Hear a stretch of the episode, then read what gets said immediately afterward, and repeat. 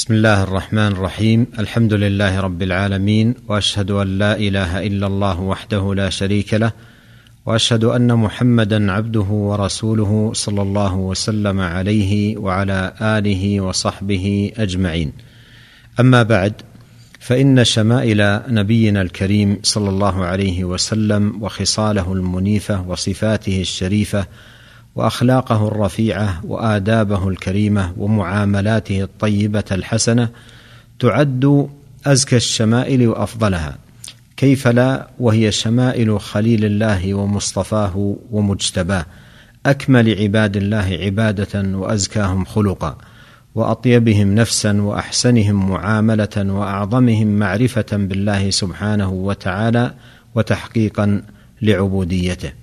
اصطفاه الله عز وجل ليكون سفيرا بينه وبين عباده وواسطة بينه وبين الناس في الدلالة على الخير والدعوة إلى الهدى واختاره سبحانه وتعالى على علم من أفضل وأعرق البشرية نسبا وخصه بأكمل صفات البشر من حيث الخلق والخلق. وخصه بأجمل الصفات في هيئته البهية وطلعته الجميلة ومحياه المشرق وصفاته العالية الرفيعة صلوات الله وسلامه عليه. وخصه بأكمل الخلال وأجمل الأخلاق وأطيب الآداب وجعله سبحانه أسوة للعالمين وقدوة لعباد الله أجمعين. قال تعالى لقد كان لكم في رسول الله أسوة حسنة لمن كان يرجو الله واليوم الآخر وذكر الله كثيرا. وهذه الآية كما قال الإمام الحافظ ابن كثير رحمه الله في تفسيره أصل كبير في التأسي برسول الله صلى الله عليه وسلم في أقواله وأفعاله وأحواله. ومن المعلوم معاشر الأحبة الكرام أن التأسي به صلى الله عليه وسلم والاقتداء فرع عن العلم بشمائله وخصاله وخلاله إذ لا يتأتى اقتداء به ولا اتباع لنهجه ولا لزوم لهديه إلا بعد معرفة سيرته وشمائله وخصاله وخلاله العظيمة. ولهذا كان متأكدا على كل مسلم أن يعنى بدراسة سيرة هذا الرسول الكريم صلى الله عليه وسلم وشمائله عناية مقدمة على العناية بغيره من البشر لأنه صلى الله عليه وسلم أزكى البشرية وخير العباد وقدوة العاملين وسيد ولد آدم أجمعين. وفي دراسة شمائله صلى الله عليه وسلم ومعرفة خصاله وخلاله فوائد عظيمة. منها اولا أن من واجبات أهل الإيمان الإيمان به صلى الله عليه وسلم ولا يكون ذلك إلا بمعرفته. فكلما ازدادت المعرفة به صلى الله عليه وسلم ازداد الإيمان به وازداد الاتباع له إذ إن من موجبات الإيمان به معرفة ما هو عليه من الأخلاق العالية والأوصاف الكاملة. فإن من عرفه حق المعرفة لم يرتب في صدقه وصدق ما جاء به من الكتاب والسنة والدين الحق. إذ إن أوصافه الحميدة وشمائله الجميلة وأقواله الصادقة النافعة وأفعاله الرشيدة أكبر داع للإيمان به. ولهذا حث الله سبحانه على تدبر أحوال الرسول صلى الله عليه وسلم وأوصافه الداعية للإيمان به فقال قل إنما أعظكم بواحدة أن تقوموا لله مثنى وفرادا ثم تتفكروا ما بصاحبكم من جنة إن هو إلا نذير لكم بين يدي عذاب شديد. ثانيا إن محبته صلى الله عليه وسلم فريضة افترضها الله سبحانه وتعالى على عباده بل إنه يجب أن تقدم محبته على محبة الوالد والولد والناس أجمعين بل على النفس وذلك عقد من عقود الإيمان. الذي لا يتم إلا به. ولا ريب أن معرفته صلى الله عليه وسلم ومعرفة شمائله وخصاله تزيد القلب حبا له وتعظيما واجلالا ومعرفة لقدره العظيم ومكانته العلية. فإن العبد كلما أكثر من ذكر المحبوب واستحضاره في قلبه واستحضار محاسنه ومعانيه الجالبة لحبه تضاعف حبه له وتزايد شوقه إليه. وعليه فكم للعنايه بمناقبه العظيمة وشمائله الكريمة وصفاته الحميدة وأخلاقه وآدابه وهديه وسنته وسيرته من الأثر البالغ في ازدياد محبته في القلوب وقوتها. ثالثا إن الله عز وجل جعله قدوة للعباد وأسوة للناس وأمر باتباعه والسير على منهاجه بل هو الإمام الأعظم والقدوة الأكمل. قال الله تعالى لقد كان لكم في رسول الله أسوة حسنة لمن كان يرجو الله واليوم الآخر وذكر الله كثيرا. وقال عز وجل وما آتاكم الرسول فخذوه وما نهاكم عنه فانتهوا.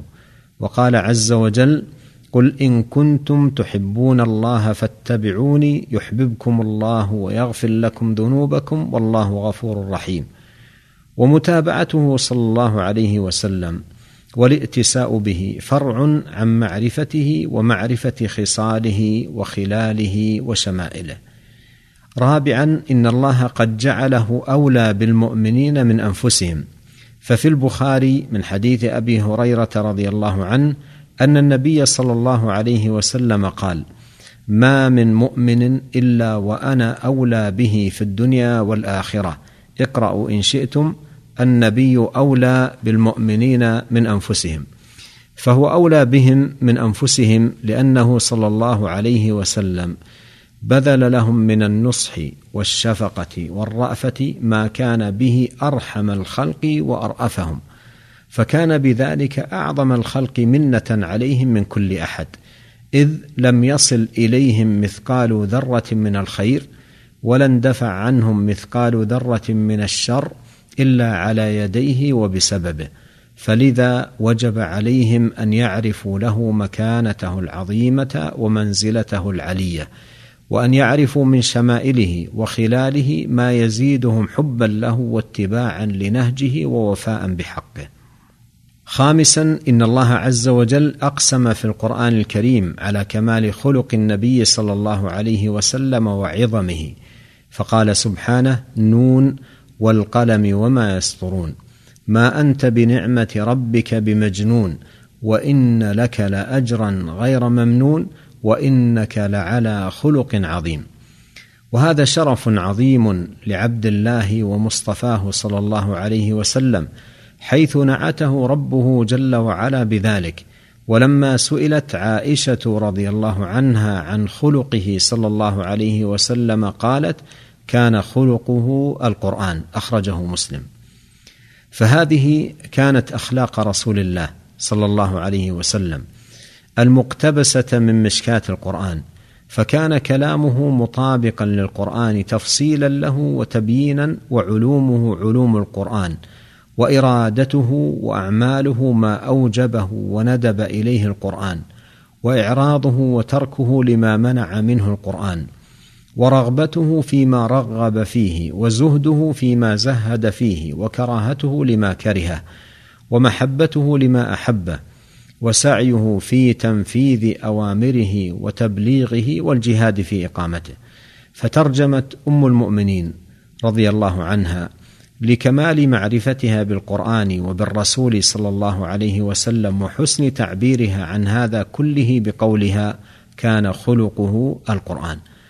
وفهم هذا السائل لها عنها هذا المعنى فاكتفى به واشتفى وهكذا الشأن في كل من وفق لدراسة الشمائل والعناية بها يحصل له هذا الاكتفاء والاشتفاء سادسا إن الله عز وجل أمر العباد بالصلاة والسلام عليه اقتداء به وبملائكته وجزاء له على بعض حقوقه عليهم.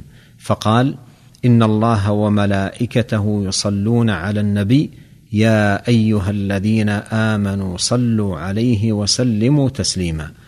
وكلما ازداد المرء بصيرة بشمائله وقوة في معرفته ازدادت صلاته عليه وحسنت. ولهذا كما يقول ابن القيم رحمه الله كانت صلاة أهل العلم العارفين بسنته وهديه المتبعين له عليه خلاف صلاة العوام عليه الذين حظهم منها إزعاج أعضائهم بها ورفع أصواتهم وأما أتباعه العارفون بسنته العالمون بما جاء به فصلاتهم عليه نوع آخر فكلما ازدادوا فيما جاء به معرفة ازدادوا له محبة ومعرفة بحقيقة الصلاة المطلوبة من الله تعالى. سادسا إن شمائله وسيرته العطرة صلى الله عليه وسلم تعد منهج حياة لكل مسلم يرجو لنفسه الخير والرفعة والحياة الكريمة في الدنيا والآخرة. يربى عليها الأبناء وينشأ عليها الأجيال.